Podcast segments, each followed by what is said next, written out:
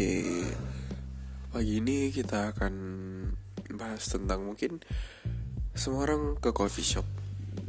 Hari ini semua orang update tentang coffee shop dan pada masa ini semua orang meminum kopi. Entah memang suka atau karena tren.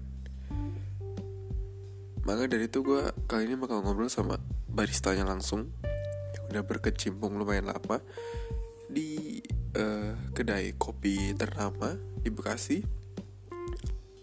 Ya maka apa sih yang dia rasa sebagai barista dan apa yang dia keluhkan dan apa yang ada di mata dia saat dia ngeliat orang minum kopi karena tren bukan karena suka datang hanya buat update